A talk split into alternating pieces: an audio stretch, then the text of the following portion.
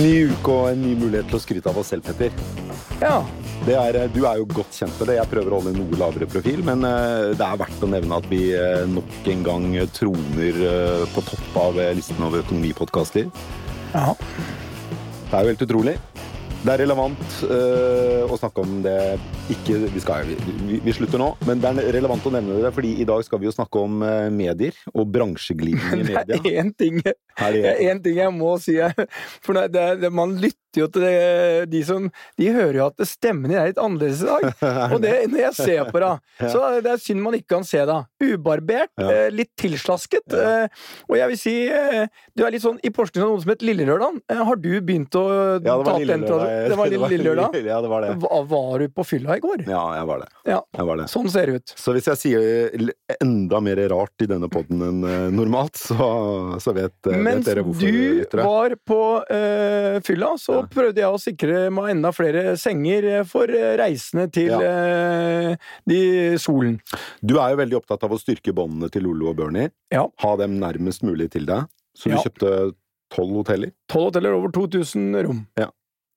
Sånn at folk skal få de beste ukene i året sitt eh, der de alltid har hatt det. Men Ja. vi må videre. Vi må, vi, vi må det.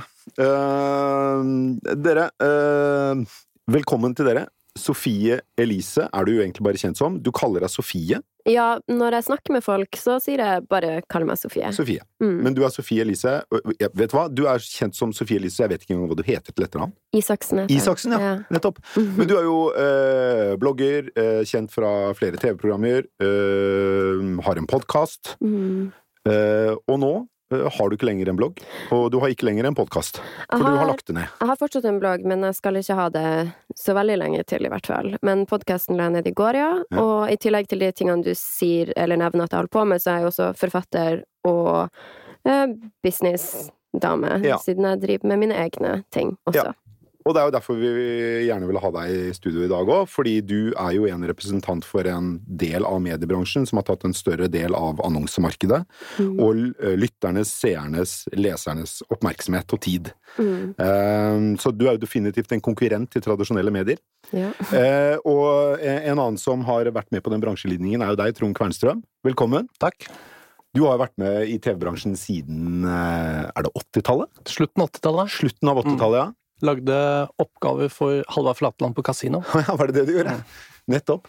Og så har du starta Monster, som jo ble en kjempehit. Ja, etablerte Nordisk Film for Egmont på midten av 90-tallet, og så grunna Monster sammen med Olav Øen på tidlig 2000-tallet. Mm.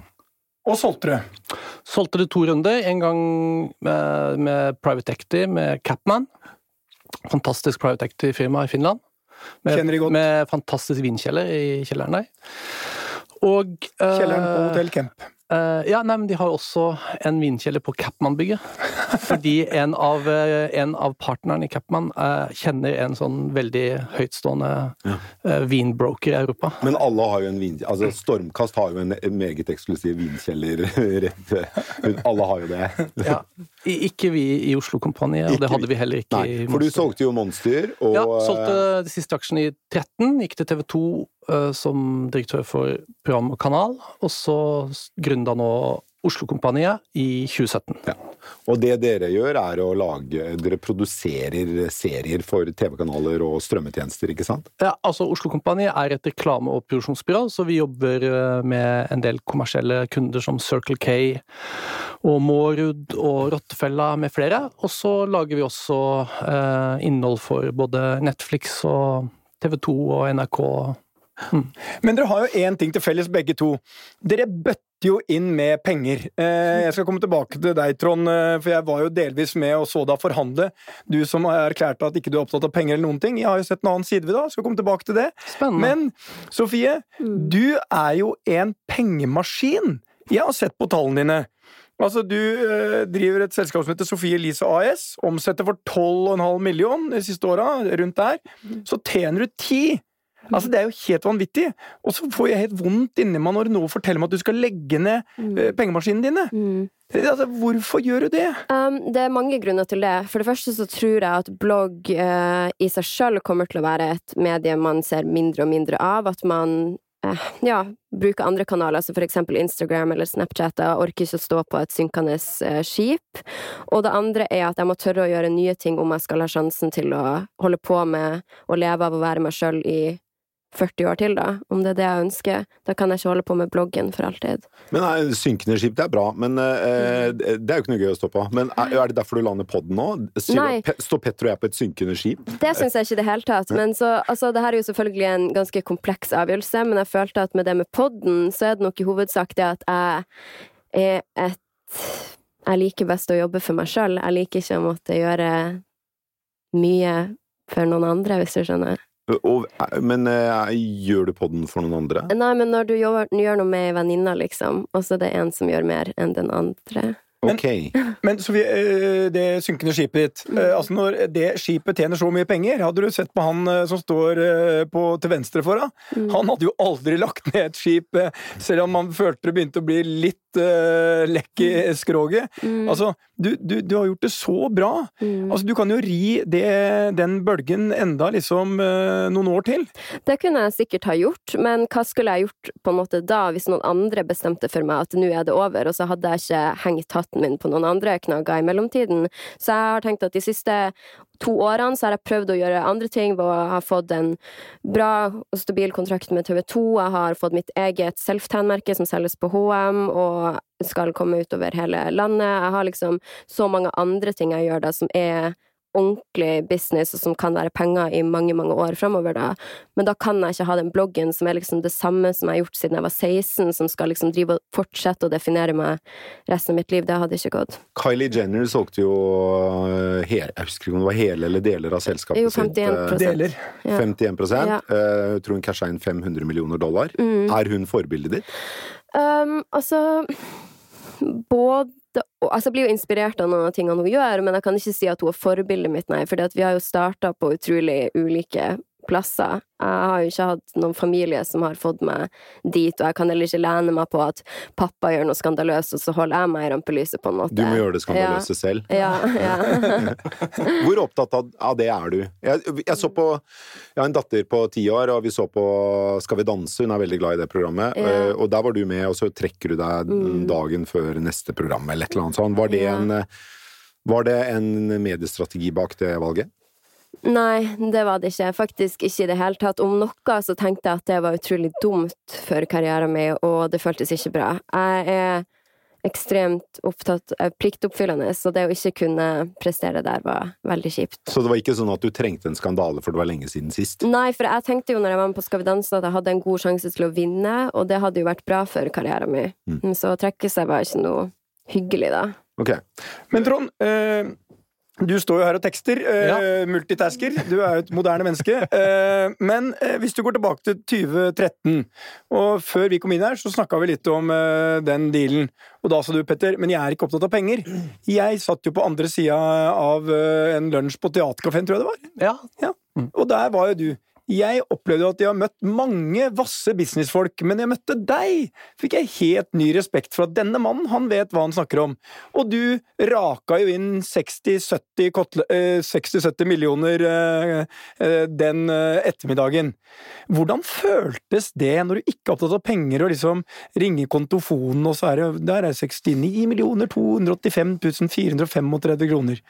Ja, altså øh, Nå husker jeg ikke eksakt summen, men øh, det var jo ikke sånn at alle de penga kom på én dag. Det var jo over en viss periode, da, så jeg har liksom ikke det, jeg har ikke det forholdet til det. Det kom sakte, men sikkert. Men ja, det kom liksom Det er 20 mi- irriterende når det Ja, det kommer kommer 20 10 millioner i slengen. Ja. ja, men kjenn på det. Ja, ja, ja. ja, ja. Men eh, når alt hadde kommet inn, da, Ja. Hvordan følte du det da? Nei, men øh, det kan, høre veldig, kan høres veldig flåst ut hvis jeg sier at jeg ikke er opptatt av penger, for vi alle er jo på en måte opptatt av penger på et eller annet nivå, da.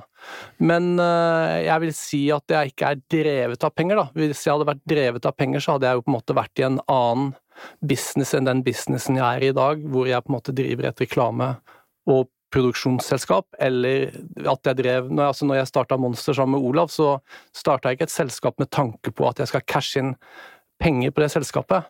Jeg var på en måte misfornøyd med en arbeidssituasjon jeg selv satt i. Eh, Jeg var misfornøyd med de eierne jeg jobba for, og hadde lyst på frihet og mer kontroll på egen men Trond, på Trond, mer, på, mer på nå. egen Du, arbeidssituasjon, da. dette er interessant. Pluss at jeg tenkte òg, uten å liksom avbryte deg, men at det, da jeg jobba jeg jo jeg for uh, Nordisk Film, og det er flott selskap, det er ikke noe gærent med det, men, men jeg, jobb, eller, jeg liker å jobbe mye. Jeg er glad i å jobbe. det er på en måte, Jeg har ikke noe hobby. Det jeg driver på med, er min lidenskap. Uh, og det er på en måte det som definerer meg. Og da tenkte jeg sånn Skal jeg jobbe ræva av meg seks dager i uka for de eierne der i Danmark, eller skal jeg gjøre det for meg selv? Men du solgte til Ki- Kinnevikses MTG-selskap. Var du villig til å gi livet ditt for det selskapet, liksom? Nei, men Da gjorde jeg en avtale på at når jeg solgte de siste aksjene, så ble jeg ikke med videre. Det var tre år seinere. To. Ja, eller det var jo da i 13. Ja. Så da Da du begynte i TV-bransjen på slutten av 80-tallet, eh, kunne du se for deg at eh, den utviklingen Sofie har vært eh, en driver av her hjemme, eh, og en del av eh, i internasjonal mediebransjen, skulle bli en, eh, en, en faktor? Nei, altså på, nei, nei, nei, på slutten av 80-tallet, tidlig 90-tallet, det var på en måte helt umulig. Da kom vi jo fra steinalderen.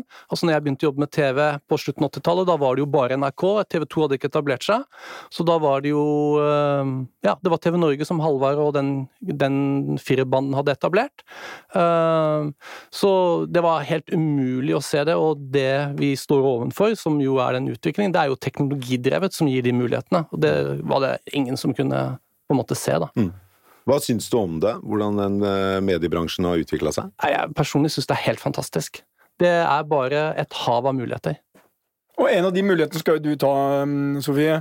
Mm. Tror du at det der det var kalt lineær-TV, at det er på full fart ned og er øh, et, nok et synkende skip? Mm, både og, fordi at på enkelte programmer så ser man jo at det er viktig at det faktisk går på lineær-TV, og at det skaper en, et samhold som jeg tror er viktig med eksempel Skal vi danse, og jeg tror Farmen også veldig mye på NRK er det.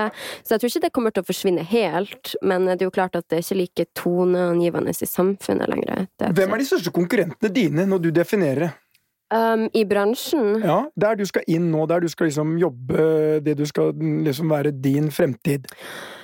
Um, egentlig, der kommer Og det her sier jeg ikke for å høres cocky ut, men ingen, fordi jeg tenker ikke på hvem som er potensielle konkurrenter, for da blir jeg så farga av det de gjør. Så jeg vet ikke hvem noen er, og det er jeg ikke stolt over, men når jeg møter andre i bransjen, så hilser jeg og aner oppriktig ikke hvem det er jeg prater til, fordi at jeg prøver å ikke liksom legge merke til det, hva andre gjør. Ja, er du bevisst det? For en annen måte å tolke det på er jo at du ikke bryr deg, eller at du er mest bare opptatt av deg selv. For å si det sånn, jeg er veldig opptatt av å følge med på hva som skjer, så jeg følger veldig mye med på hva influensere i Sverige og Danmark og USA og andre land gjør, fordi at de har liksom ikke noe direkte Altså, det er ikke noe fare for at jeg blir en kopi av de, på en måte, eller føler meg trua, eller hva enn. Um, så jeg følger med og vet hva som skjer, og jeg bryr meg, men jeg tror ikke det hadde vært sunt for meg å drive noe, vært helt obsessed med hva andre i bransjen gjør her hjemme, da. Du, nå er det to, eh, to karer her i studio som begge sitter og eller står og tekster. Ja. Jeg skulle Trond sjekke og hva Petter, jeg skulle ta sjekke, dere sammen. ja, jeg Legg skulle, fra dere mobilene, Nei. bli ferdig med saken. jeg skulle sjekke eh, Du har kommet med to bøker, ja. og så skal du komme med en tredje. Ja. Hva skal den handle om? Um, jeg har jo lyst til å skrive en slags type fiksjon, i alle fall, for første gang. Um, og fiksjon er jo aldri fiksjon helt, men litt, i hvert fall. Men, eh, altså, hvis du ser på hva som var ditt store gjennombrudd Hvis det er én hendelse som var gjennombruddet eh, Nå har vi hørt her at for Trond så var det Flatland og Tause Birgitte og Casino. Mm. Hva var det for deg? Um, jeg tror det var to ting, og det var både når jeg fikk Freya til å eh, slutte med en kampanje de hadde som de hadde Det var palmeolje og sånn, så de måtte ta ned en hel reklameplan de hadde fordi at det ikke funka av min kritikk mot de. For, og det var noe du tok opp på bloggen din? Ja, ja, og da hadde Freya en sånn kampanje der som var hashtag det nære, og så skulle folk skrive inn hva som er deres det nære påskeøyeblikk, da. Og så skulle det komme opp på eksempel T-banen i Oslo.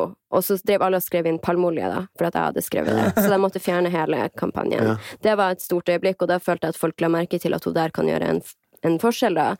Og at jeg faktisk betydde noe på et nivå som ikke bare handla om 13-14-åringer, men som handla om en hel bransje, da.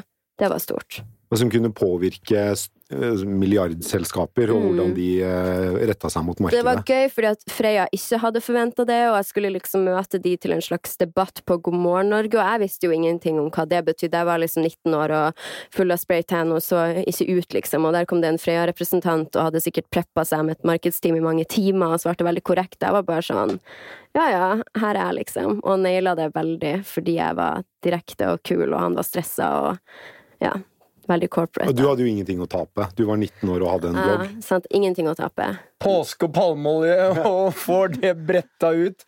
Ja, den hadde vært tung selv for deg, Per. Den hadde jeg slitt med. Ja. Og hva var den andre, det andre gjennombruddet ditt? Den andre var nok når jeg vant eh, pris Den tredje eller fjerde prisen jeg vant, eller noe sånt, og så flasha jeg eh, puppene på scenen på Vixen, fordi at eh, det var også en ting som jeg ikke hadde tenkt over eller planlagt, og jeg tror det var så tydelig. Og jeg var den første som gjorde noe liksom drøyt på en, en influenser-takketale, da. Så um, Det der med å flashe har jeg gjort et par ganger, sånn yeah. baris. Er Har det, ikke hatt like stor effekt. var det bevisst nei, på flashepuppene? det bare, jeg bestemte meg når jeg Jeg sa til hun jeg satt ved siden av, ok, om jeg vinner, om jeg vinner, skal jeg flashe da, liksom? Og da bestemte jeg meg for det, og så sa de ja, gjør det, og så bare Og hvorfor gjorde du det? Um, fordi jeg kunne, egentlig. Ja, det var bare det. Trond, du har flashet eh, lite. Ja. Ja. Tror det er best, det beste. Men hva, er ditt, uh, hva var ditt gjennombrudd, liksom? Uh, høydepunkt eller gjennombrudd, eller Ja, gjennombrudd når du føler at nå er jeg oppe i ringa, nå svinger det, dette kommer til å bli bra. Det er veldig sjelden jeg føler det. Kom igjen, jeg har sett det. Altså, du, du prøver å fremstå beskjeden. Jeg, husk at jeg har vært i forhandlinger med deg.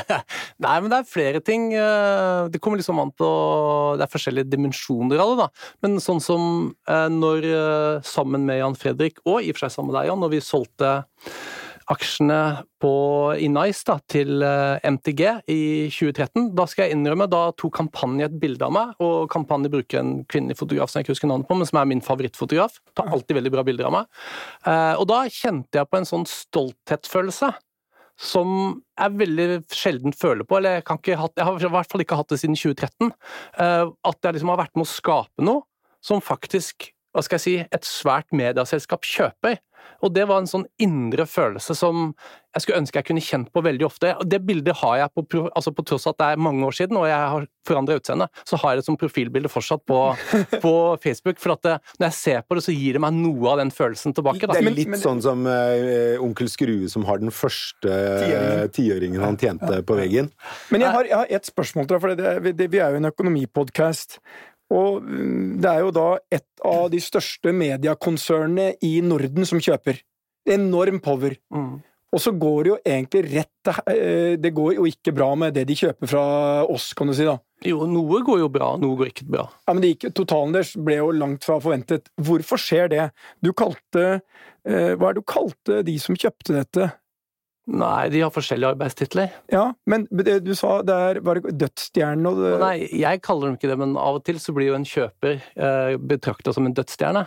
ja, og, Fordi at det er, det er corporate, og så kjøper de noe fra kanskje x antall drivere som er veldig lidenskapelige, da. ja, Eh, som på en måte, hva skal jeg si, blør for drakta, brenner for det, Ja. ikke er så mye blådress og X-like, da.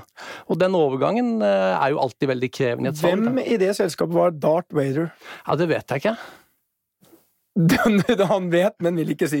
Men, jeg, men jeg, jeg, det, det, det, det som er det interessante lærdommen her Dette er da et, et selskap med uendelige ressurser, det er vi enige om, som kjøper. Ja, ja. Og så mister de ekstreme, lidenskapelige folk som egentlig deg og Jan Fredrik og hele teamet rundt der sånn.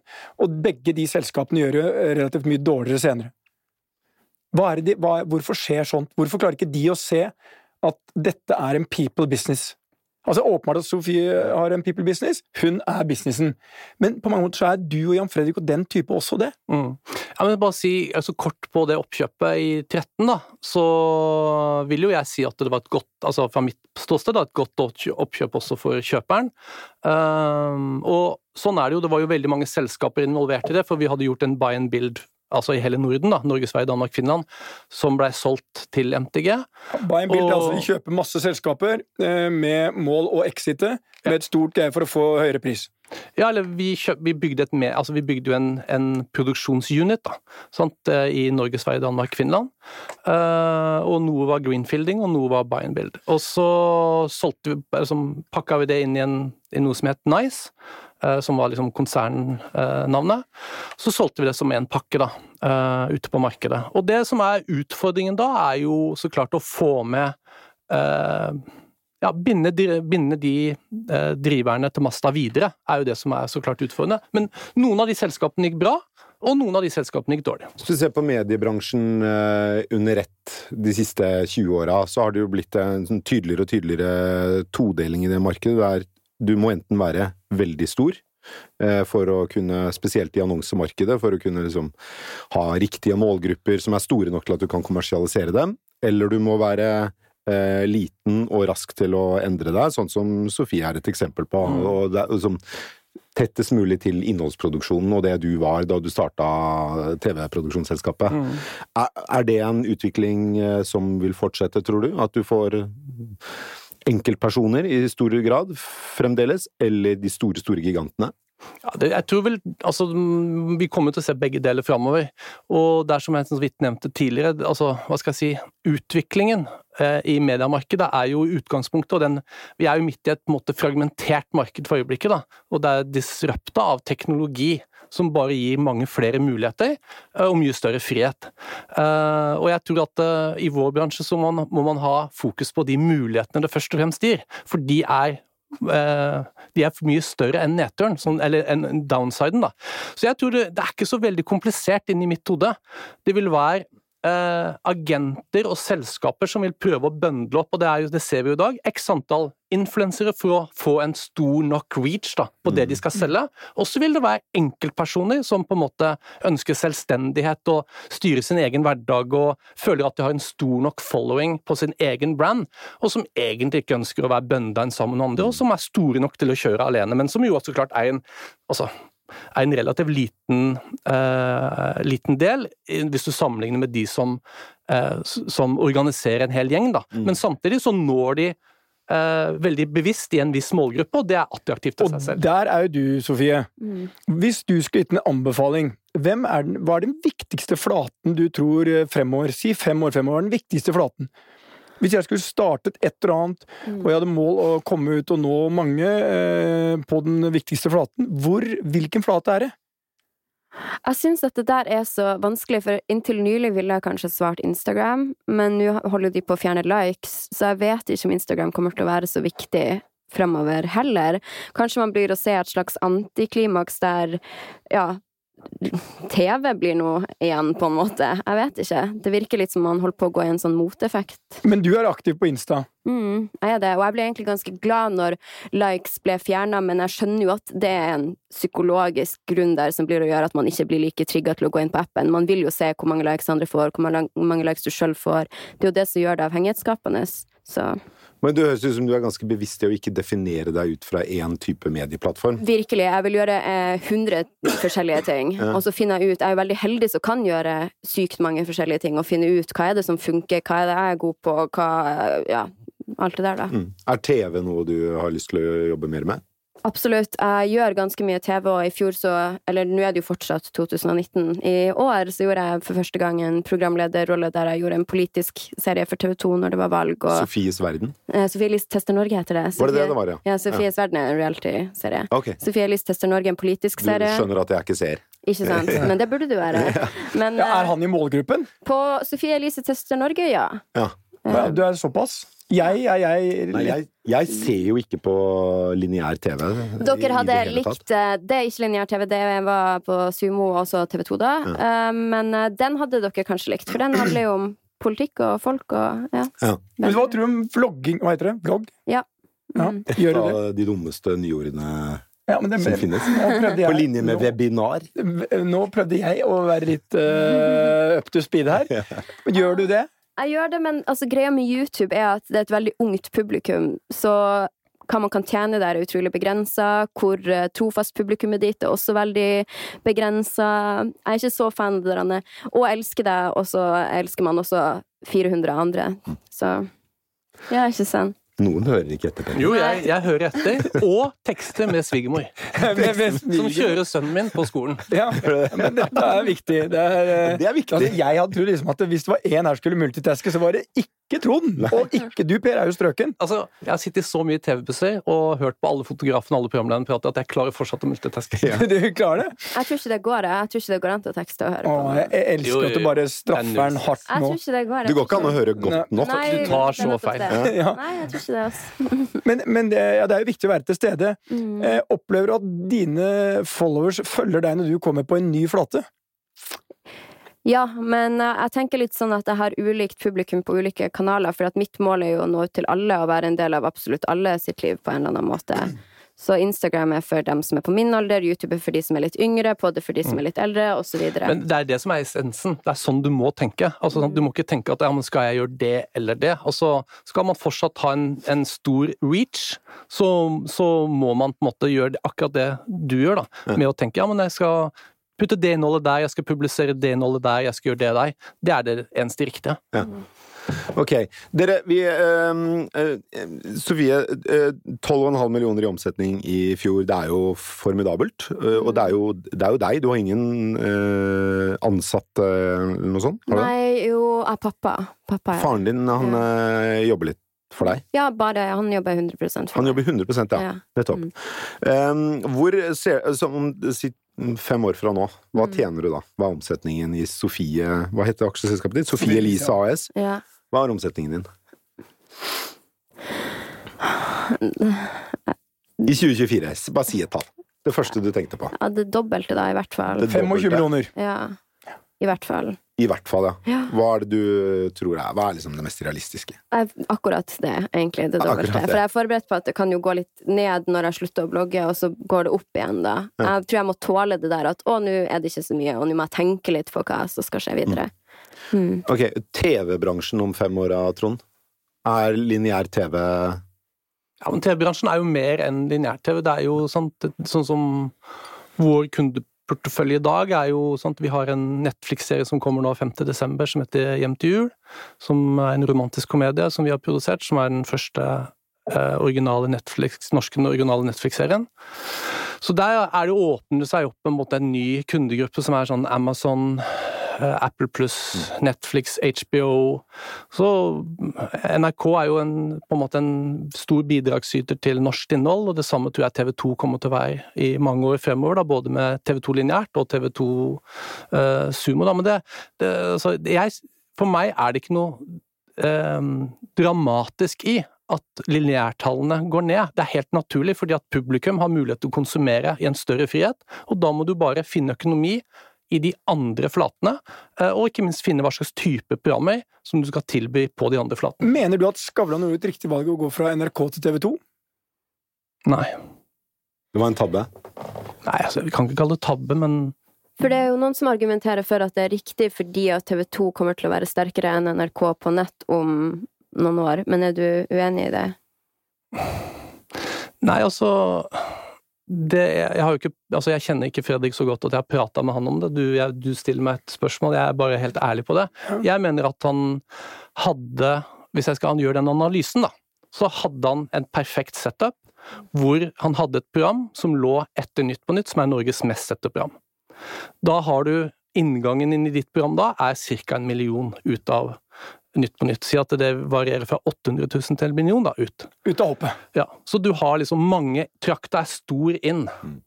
Eh, og det er en, liksom en posisjon som er unik. Så når du risker den posisjonen, skal ganske mye til å finne en lignende posisjon. Uh, så ut fra et personlig Altså, jeg har jo ikke noe med verken hans fantastiske selskap gjør, eller han er jo en helt rå programleder, eller TV 2 eller noe med det, men min subjektive mening er at det er noe som hvis jeg hadde stått overfor det valget, ville jeg ikke ha gjort. Ok. Men han får det jo til å fungere bra på TV 2 i dag, det er ikke det, men det, det, det, han var i en unik situasjon. Mm. Good. Vi har et par ting vi må minne om, Petter. Fordi du og jeg vi skal jo uh, ha en ny livesending 4. desember på kvelden. Ja. Og da viser det seg at uh, dette er et lukket arrangement for Ung i finans, så det kommer til å sitte en hel haug med finansfolk i salen. Men uh, vi har tre billetter ledig, så hvis noen har lyst til å um, komme og av en eller annen underlig grunn høre på oss en, en kveld i desember, 4. desember, så På Klarion Oslo. Ja. Et hotell det er, Klein Hotel Oslo. Ja. Helt nyåpna, hørte jeg. Helt ok Ja. hotell. Det er ikke noe Det er de som har det rå Munch-maleriet øh, Oljemaleri av Munch i resepsjonen. Ja, ok. Så, så du kan anbefale hotellet? Jeg skal jo være nøytral, yeah. men ifølge gjestene så er det helt rått. Ja. Eh, Så Det er ett eh, Amerikalin er nummer én, eh, Hub er nummer to, og dette er nummer tre, så der nede, ja, bra. Svinger. Så hvis noen Litt som uh, Sofies prosjekter. Vi ruller på, eh, og det går jevnt over ganske bra. Men eh, vi har eh, foreløpig er vi en soloppgangsbransje og ser ingen synkende skip. Og eh, hvis noen da har lyst til å komme og høre oss uh, si enda flere bevingede ord som, som dem, så kan de gå inn på uh, Stormkast på LinkedIn uh, og um, si, melde sin interesse. Så er man med i trekningen. Og så har vi en julekalender i år, også på LinkedIn, så hver dag fra 1. til 24. desember så skal vi heie frem en mann eller kvinne i næringslivet under 40 år som fortjener det litt ekstra. Så der vil vi oppfordre dere alle til å legge inn på LinkedIn-siden vår noen de syns er kjempebra, fortjener et klapp på skulderen eller eh, er et, en superstjerne. Da har jeg, tror jeg, gjort eh, det jeg skulle gjøre. Syns du har vært veldig bra i dag? Gikk det greit? Ja, ja altså utgangspunktet tatt i betraktning. Bedre enn forventet? Ja, terningkast fem. Terningkast fem. Det er ok, det. Ja. Terningkast seks skal jo definitivt gjestene våre ha. Sofie Elise og Trond Kvernstrøm. Tusen takk for at dere kom eh, i dag. Takk. Truls Johansen har produsert denne sendingen, og så høres vi igjen neste uke. Det gjør vi.